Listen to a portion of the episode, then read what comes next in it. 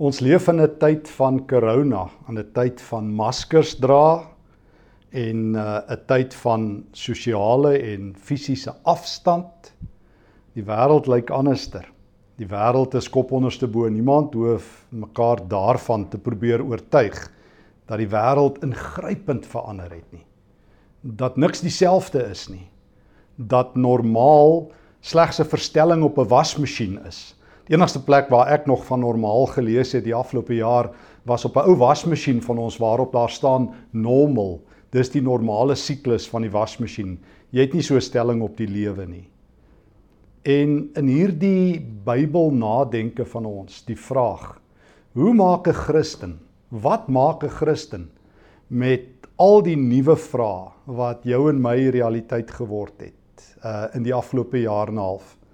Daar is rowwe gesprekke aan die gang en ek noem rof tussen Christene oor moet Christene die inenting vat of nie. Uh want party ons dink daar gaan net die inenting wees al is daar ook baie. Daar is rowwe vrae aan die gang of hierdie die laaste dae op dese aarde is of nie. En dit is die tyd vir soos wat die Engelse dit noem conspiracy theories dit is die tyd vir enige iets gaan. Dis die tyd wanneer vreemde ouens uit die hangkaste klim en snaakse idees oor God en oor die Bybel kwytraak. En dis die tyd dat baie mense nie meer weet wie moet jy glo, wat moet jy glo, hoe moet jy glo nie. Dis die laaste dae op hande, is dit wedstrydpunt, is die wedstryd amper oor, is die koronavirus God se straf Is dit die anti-kris wat losgebreek het? Is dit 'n komplot van een of ander nuwe wêreldorde om die wêreld oor te neem? Is dit 'n klug, soos die Engelse sê, 'n hoax? So wat maak 'n ou met um, met dit alles? Hoe moet 'n Christen in hierdie tyd optree? Dit lyk vir my ons is al so bietjie rustiger rondom die vraag of corona God se straf is daarmee het baie ouens afgeskop so in 2020. Die Here wil ons straf of die Here wil iets vir ons sê. Nou ek sê graag, ek onthou my kinderdae het uh, ek baie kere gehoor die Here praat nou weer hard met ons. Maar al wanneer die Here hard gepraat het, was wanneer daar 'n krisis was. Wanneer daar 'n droogte was, wanneer daar 'n groot natuurramp was, wanneer daar 'n ongeluk was, dan het die mense by die kerk gesê die Here praat nou weer hard met ons. En toe corona begin het ek gehoor baie ouens sê, dis die manier van God om die wêreld se aandag te trek om die wêreld se aandag na hom toe te fokus. Nou, hoe dink 'n Christen daaroor? Ja wel, Ek dink die eerste en die belangrikste antwoord wat jy en ek vir mekaar daarop moet gee in hierdie tyd van corona, hierdie tyd wat gedefinieer word deur die koronavirus. Hierdie tyd wat die wêreld eintlik teen die virus staan. Ek lees juis nou die dag iemand sê hierdie is die derde wêreldoorlog, die mensdom teen die virus. Nou, hoe moet 'n Christen maak as 'n Christen na die na die koronavirus kyk? Is dit God se manier om met ons te praat? Het hy dit veroorsaak om die wêreld uh, se aandag te trek? Het hy die koronavirus veroorsaak om ons te straf? Nog erger? Is uh, die koronavirus die aanduiding die einde is op hande? Ek dink kom ons kyk so bietjie saam terwyl ons uit die Bybel nadink. En en ek wil nou graag waag om te sê, ek wil nie hê ons moet net daaroor spekuleer nie. Want enige ou het 'n opinie oor die antwoorde op hierdie vraag.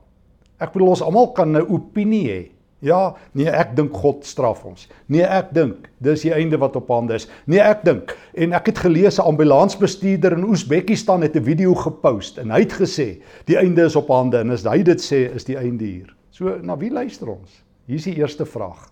Wie se opinie tel? As ons rondom 'n tafel sit soos vandag, sê nou maar spreekwoordelik. En hier's die vraag op die tafel. Die koronavirus. Hoe dink 'n gelowige daaroor? Ehm uh, wie se opinie gaan jy na luister? By wyse van spreuke, ek bedoel dit nou maar net uh, humoristies, die ambulansbestuurder wat 'n videoetjie in Oesbekistan gemaak het, die oom wat daar op die plaas sit en nou moeg is vir die lewe en nou sê hy, "Boeties, laat ek nou vir julle vertel. Hierdie is Sodom en Gomorra." Uh so wie se opinie gaan gewig dra? die Bybel. En dit beteken ook ek en jy moet die Bybel reg uitlê. Ek bedoel enige ou kan enigiets uit die Bybel uit bewys. My ouma het altyd enigiets uit die Bybel kom bewys en ek ken baie mense. Hulle vat 'n teksie en dan hardloop hulle met hom en dan los hulle die res van die Bybel. So wanneer 'n mens die Bybel reg hanteer as God se woord met respek, Bybelboeke, dan dan kry ons 'n idee want reg deur die Bybel is daar groot krisisse. Ek meen, Israel beleef twee superkrisisse, ten minste. Uh in die tyd van die konings, hulle beleef die uh, vernietiging van die 10 stamme daar in die jaar 721 in die tyd van die profeet Hosea ongeveer word die noordryk vernietig. En in die tyd van die profeet Jeremia 586 word Jerusalem ingeval deur die Babiloniërs en val die suidryk. So Israel ken krisisse. En dan is die vraag, hoe moet jy God lees en God se handelinge verstaan? Wel in die Ou Testament. En let wel ek sê in die Ou Testament is dit duidelik dat dikwels van hierdie soort ingryp is van vreemde volke wat die Israeliete kom kom kom vang. Of in die tyd van die profeet Joël. Jy ken dit in Joël 1 en 2, wanneer daar 'n sprinkaanplaag is, dan dan kan 'n ou sê, ja, dis 'n dit is manier hoe God sy volk tot bekering wil roep in die wêreld. So verseker. In die Ou Testament is daar 'n helderder beeld van straf en aandag vra wanneer daar groot krisisse is. Daarom is daar 'n boek soos Klaagliedere in die Bybel. As die ouens terugkom nadat Jerusalem vernietig is, die gevangenes, en hulle sien hier lê hulle stad in ruïnes. Dan het jy in daai boek Klaagliedere het jy hierdie klaagliedere letterlik van mense wat terugkom en sê Here, hoekom het dit gebeur? Dan sê hulle Here, dis eintlik ons straf. Uh omdat ons U verlaat het. Maar daar staan ook 'n kruis in die geskiedenis. En wat doen die kruis met die geskiedenis en met die mensdom en met God? Moet mooi hoor, kan ek weer vra terwyl ons om hierdie tafel sit en die vraag vra wat wil corona vir ons sê? Sê ons vir mekaar daar staan 'n kruis in die geskiedenis. Dit doen iets met die geskiedenis, met mense en met God. Die kruis is die plek waar die kanonne van die hemel bulder. Die kruis is die plek waar God hard praat. Jy onthou ons het nou nou vir mekaar gesê, die mense het altyd gesê, jy weet die Here wil ons aandag hê, die Here wil met ons praat. En toe kies God om eens en vir altyd, Hebreërs 10 sê dit, eens en vir altyd hard te praat, te skree op 'n megafoon vir die wêreld te sê, stop. As jy iets van my wil weet, kyk na die kruis. Die kruis is die plek waar God die wêreld se gemors, se sonde, se straf, se ongehoorsaamheid vat en in een oomblik aflaai op sy kind se skouers. 2 Korintiërs 5. Jy ken dit, vers 20. Christus het aan die kruis 'n sondaar geword. Hy is as 'n sondaar behandel. En nou sê God, as jy in daardie Christus glo, is dit af.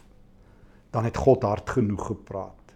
So hier's die ding, want ek aanvaar ons gesprek is 'n Christelike gesprek. So as ek dus as 'n Christen wat na die kruis lewe, oor wie se lewe die lig van die kruis val, wat myself sien as 'n Christen, dan kan ek nie maar net sê die koronavirus is 'n manier om my te straf nie of 'n manier om my aandag te trek nie. Dan het ek die kruis gemis. Een van die groot tekste, een van die groot tekste in my lewe is Lukas 16 om 'n om 'n antwoord te gee op hierdie vraag. Jy ken Lukas 16, dis die, dis die gelykenis van die ryk man en Lazarus. Tja. Dis die enigste gelykenis waar Jesus 'n ou by die naam noem. En nou weet julle, onthou julle Lazarus is nou nie doderyk en die ryk man wat so goddeloos geleef het. Ja. En nou nou sit daai ryk man daarso en hy brand en hy pyn. Nou sien hy vir Abraham daar aan die oorkant. Hy sê: "Vader Abraham, ek is nou klaar hier. Ek het nou my erfporsie gekry. 'n Ewigheid weg van die Here af. Ek het dit verdien. Maar gaan waarsku my broer, stuur vir Lazarus. Of stuur 'n engel. Hoor nou wat sê Abraham. Uh in in Lukas 16 vers 29. Hulle het die woorde van Moses en die profete, laat hulle daarna luister. Dan sê nee nee nee nee, dit sal nie help nie. Dan sê Abraham weer 'n keer, as hulle na Moses en die profete nie luister nie, sal hulle na niemand luister nie. Al staan 'n ou op uit die dood. So hy, hier's die ding. Jy kan nou maar ehm um, as jy dink korona gaan die wêreld iets leer. Jesus sê as mense nie na die Bybel luister nie, sal hulle nie luister nie. Lyk my Christene sukkel daarmee. Want almal al die Christene sê graag, weet jy moet uit jou foute leer, net jou omstandighede leer, maar niemand leer nie. Daar's net een les wat God vir ons gegee het. Hy noem dit die kruis. En daar's net een leermeester wat 'n Christen het. Mens noem hom mens spreek hom met eerbied aan as die Heilige Gees, die Gees van die lewende God. Johannes 14:26. Dit is die Heilige Gees wat ons in die volle waarheid lei. Jy en ek is gees gedrewe, gees gelei. Ons is die ouens wat deur die gees onderrig word. So, hier is die antwoorde vir die eerste vraag. Is korona deur God gestuur om die kerk iets te leer? Nee, nie in die eerste plek nie, want dan mis ons die Bybel. Dan het die kruis misluk. Dan het die woord misluk. As God vir ons iets wil leer, sê hy luister na die woord. Beteken dit egter corona kan ons niks leer nie. Nee, dis nie wat ek sê nie. Ek sê net God het nie corona veroorsaak om vir sy kerk 'n les te leer nie. Want God het klaar die les geleer by Golgotha. En as jy dit nie hoor nie, sal waaragtig niks jou oortuig nie. As jy nie in Jesus glo nie, sal niks jou beweeg nie. As jy nie die skrif glo nie, sal niks jou beweeg nie. Al staan die dooies voor jou, al bewe die aarde, al val die sterre, sal jou nie oortuig nie. Maar dit beteken nie God gebruik nie die koronavirus nie. So, tweede ding. Kom ons sê vir mekaar, sonde is in die wêreld. Vandat Adam en Eva verkeerd gekies het, is daar sonde. En deel van sonde is dat dit ook die skepping tref.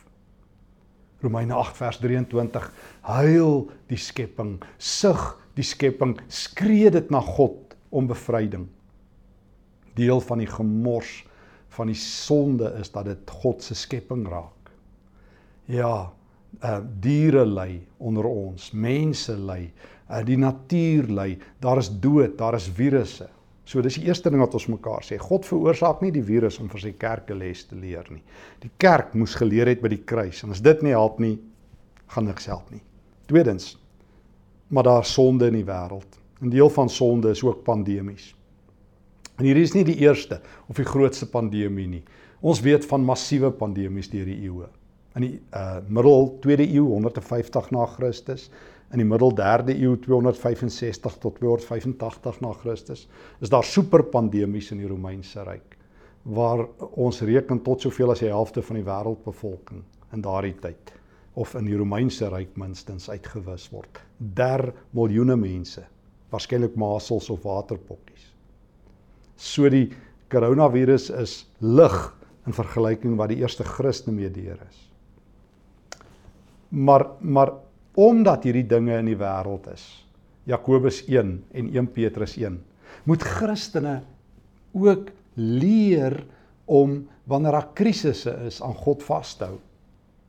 In die taal van Jakobus 1, daar is toetse in hierdie lewe. God stel nie die toets op nie.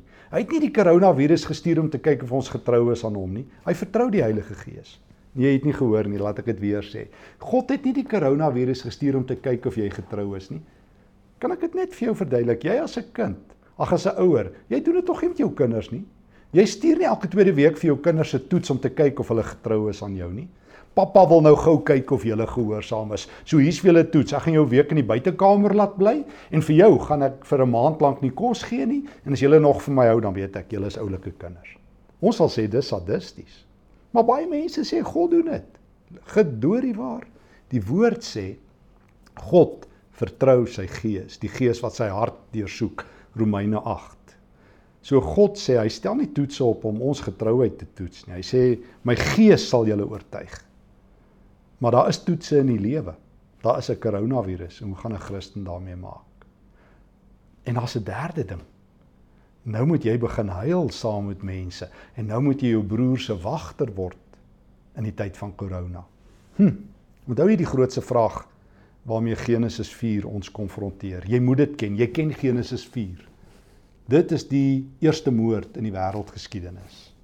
Dis 'n skokker van epidermiese proporsies soos die oom gesê het. Epiese proporsies. Kain pleeg moord. Dis 'n familiemoord. Dis 'n religieuse moord.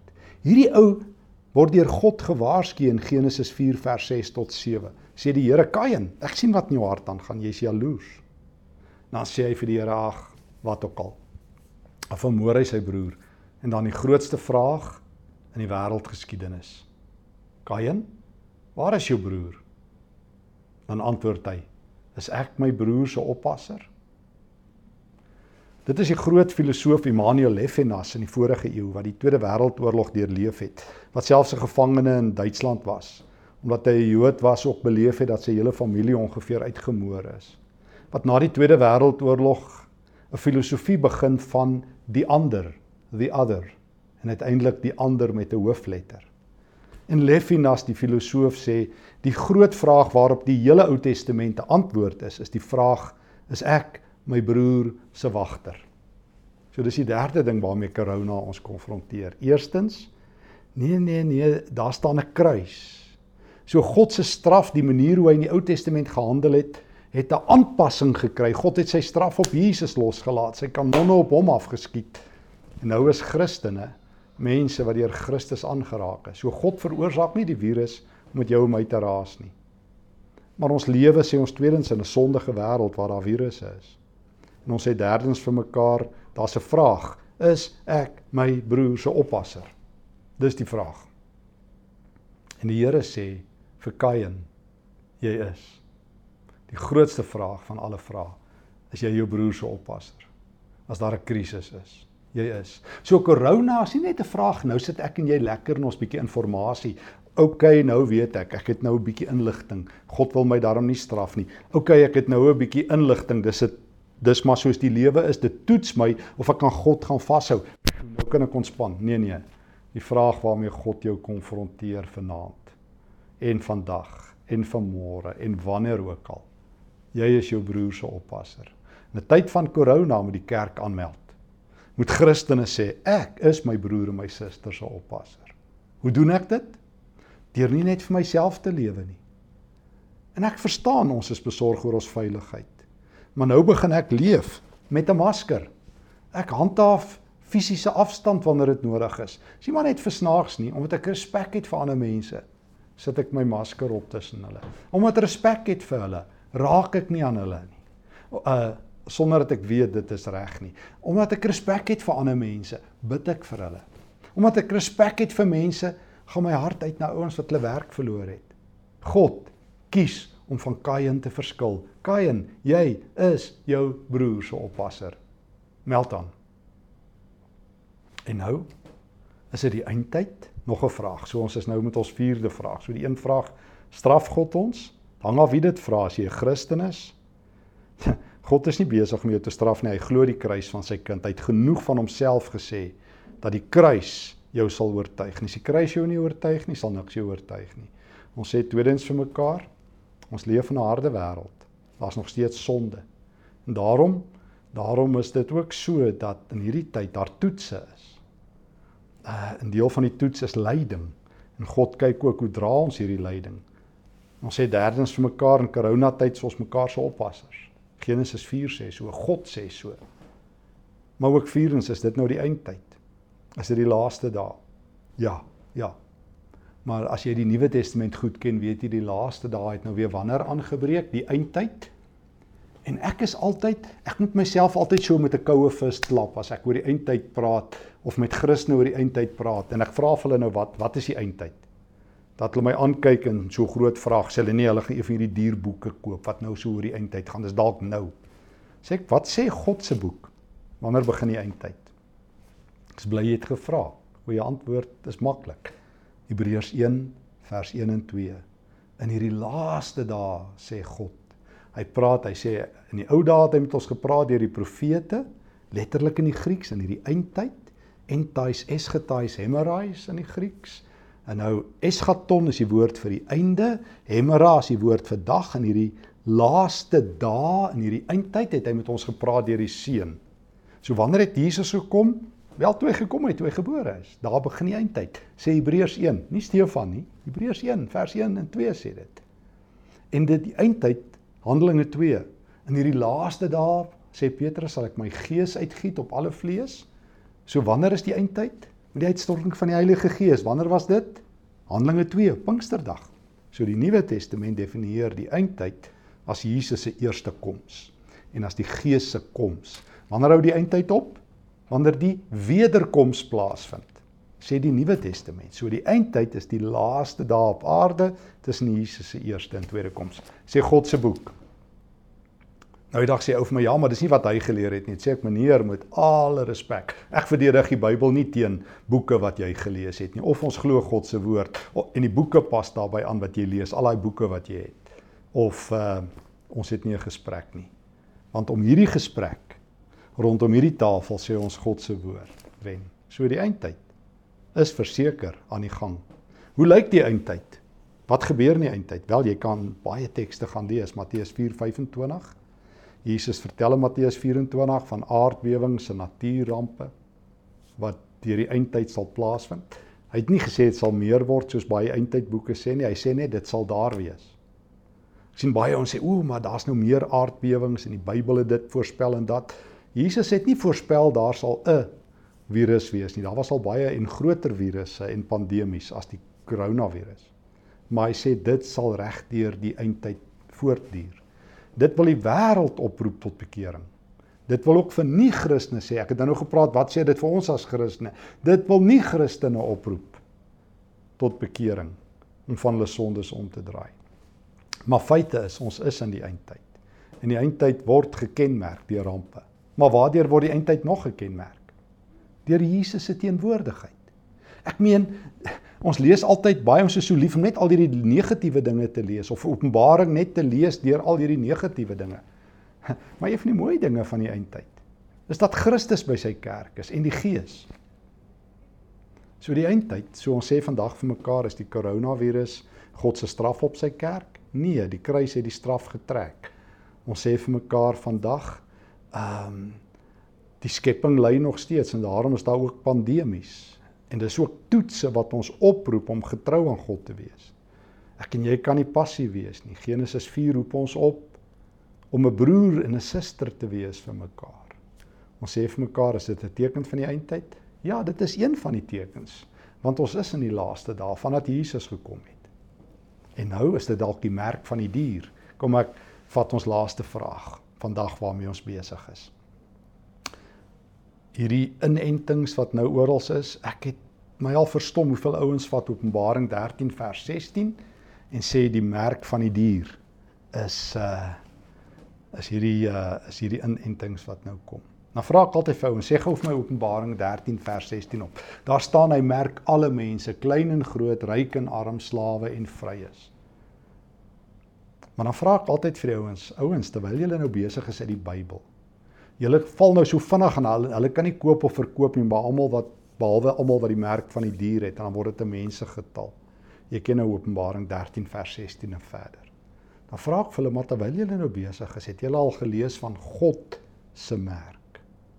Want daar's meer tekste in die Bybel wat sê God merk mense as dat die duiwel mense merk. As jy hulle vir my Wat? Ek sê maar hoe kan julle julle praat oor God se woord? Julle ken die merk van die dier, maar julle ken nie die merk van God nie. Het julle dit al ontvang? Julle is meer bekommerd oor die Satan se merk. Dan sê ek altyd, kom ons lees gou Eksodus 13. Twee keer word daar gesê God merk mense. Daar as die Pasga ingestel word, sê God, dit sal vir julle 'n merkteken wees op julle voorkop en op julle hande.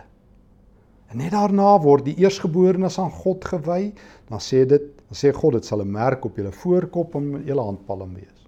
In Deuteronomium 6 gee God sy wet vir sy volk. Dan sê hy skryf dit as 'n merkteken op julle koppe en op julle handpalms. Weer 'n keer in Deuteronomium 11. En Esegiel hoor ons, ek dink daar in hoofstuk 28, merk al my dienaars op hulle voorkoppe, sê die Here. En dan kom die Nuwe Testament. Paulus oor en oor en sê julle is deur die Heilige Gees gemerk of verseël. Jy lees dit in Efesiërs 1. Jy lees dit in 2 Korintiërs 1. Jy lees dit in 2 Korintiërs 5. Christene is beseël en gemerk deur die Gees. O, oh, nou kom jy by Openbaring, Openbaring 3, Openbaring 7, Openbaring 14, Openbaring 22 en almal almal wat in Christus behoort dra die naam van God op hulle terwyl almal koue koors en pimperelle koors en ek weet nie wat alles het na te gelees het van die merk van die dier in Openbaring 13 nie. Hoor ek ewe skielik in Openbaring 14 en toe staan al die gelowiges simbolies 144000 rondom Christus op Sion met sy naam en sy Vader se naam op hulle geskrywe. So is die inspuiting 'n is die Satan se merk? Nee nee, hy vat mense se lewens. Sien net 'n ou inspuitingkie nie want jy kan maar kies om die inspuiting te vat of nie, maar die Satan vat mense. Hy gee nie hy deel nie inspuitings uit nie. Hy vat mense se lewens. En die beeld dat hulle nie kan koop of verkoop nie. Sin speel daar in Johannes se tyd op keiser Nero wat wat ehm um, die 666 werk in Hebreëus op sy naam in elk geval uit. En niemand eh, wat Christene was kon in daai tyd eintlik eh, besig of wou besigheid doen nie. Niemand kon eintlik in die Romeinse ryk vir daai tyd werk nie maar dit beteken hy vat ook die ekonomiese sisteme in sy hand. Maar teenoor dit staan Christus wat sy mense merk. So om maar net sito sito te sê hierdie inspuiting is die merk van die dier is 'n bitter swak stuk eksegese. Want dit is 'n universele merk. Christus merk sy mense en die Satan is die flou nabootser. Hy merk weer sy mense. En daar staan in hoofstuk 16, hy uh, hoofstuk 13, hy merk klein en groot, ryk en arm, slawe en vryes. Hy merk almal. Niks te doen met 'n of jy nou 'n uh, inspuiting wil vat of nie. Dit het te maak met Satan wat jou lewe vat. En daar staan in hoofstuk 15, as jy daai almal wat Satan se merk het, word in die vuurpoel gegooi, bedoelende almal wat nie in God glo nie. Maar almal wat die merk van Christus het, gaan na die nuwe Jerusalem toe. So, Ons is in corona tyd. Kom ons vat saam. Is dit God se straf? Nie vir 'n Christen nie. God se straf is af, dis op Jesus. Maar dit roep jou op tot getrouheid. Dit roep jou op om in hierdie tyd te volhard, om die sakdoek van die Heilige Gees te wees, aanhou se trane af te droog. Dit roep jou op om 'n broer en 'n suster vir mekaar te wees. Is dit 'n teken van die eindtyd? Ja, ons is in die eindtyd. En uh, in hierdie eindtyd sien die Heilige Gees by ons om ons die volle waarheid te lei. Is dit 'n merk van die dier? Nee nee nee, dit is 'n universele merk. God merk alle mense en die duiwel merk sy mense. En as jy deur Christus gemerk is, is jou naam in die boek van die lewe. En daarom moet jy maar self besluit oor die of jy die inenting wil vat of nie. Dis nie 'n religieuse ding nie. Gaan doen jou navorsing goed, gaan luister na die regtehouens. Ons het selfs by ons e-kerk 'n gesprek gehad met 'n wêreldberoemde genetikus Ena Bromley, uh wie se kollega self die ehm uh, die die vaksines ontwikkel het vir die Ebola virus en sy voel as 'n Christen in Amerika wat direk betrokke is met die ontwikkeling van vaksines. Is dit haar roeping om 'n vaksine te hê wat wat God se koninkryk kan laat kom? So hierdie stories waarmee ons wys gemaak word, is die Satan en daar's bose planne. Jy moet net na Ena Bromley gaan luister wat in die hart van hierdie hierdie navorsing is. Wat 'n kosbare kind van die Here is. Haar kollega wat die hoof was van die vaksines vir Ebola, het sy vir myself vertel is een van die mees committed volgelinge van Christus. Hulle hou saam Bybelstudie, hulle soek God se wil. Hulle soek God se wil deur 'n goeie vaksines te ontwikkel. So, vat saam. Ons is nou rowwe tyd. Maar ons is ook in 'n goeie tyd. Dis die tyd van die koninkryk, dis die eindtyd vandat Jesus gekom het. Maar dis nie die tyd om ons sak en as te sit nie. Dis die tyd om te sê Jesus is die Here. Ons is gemerktes van God. En of dit reën en of dit storm en of die pad gelyk is, ons is Jesus se. Kom ons bid saam.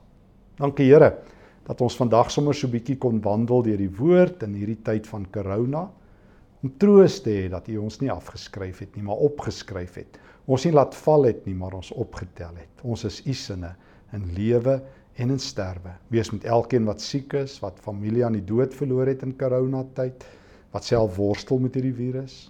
Geef ons uitkoms. Verskyn tot ons redding in Jesus se naam. Amen.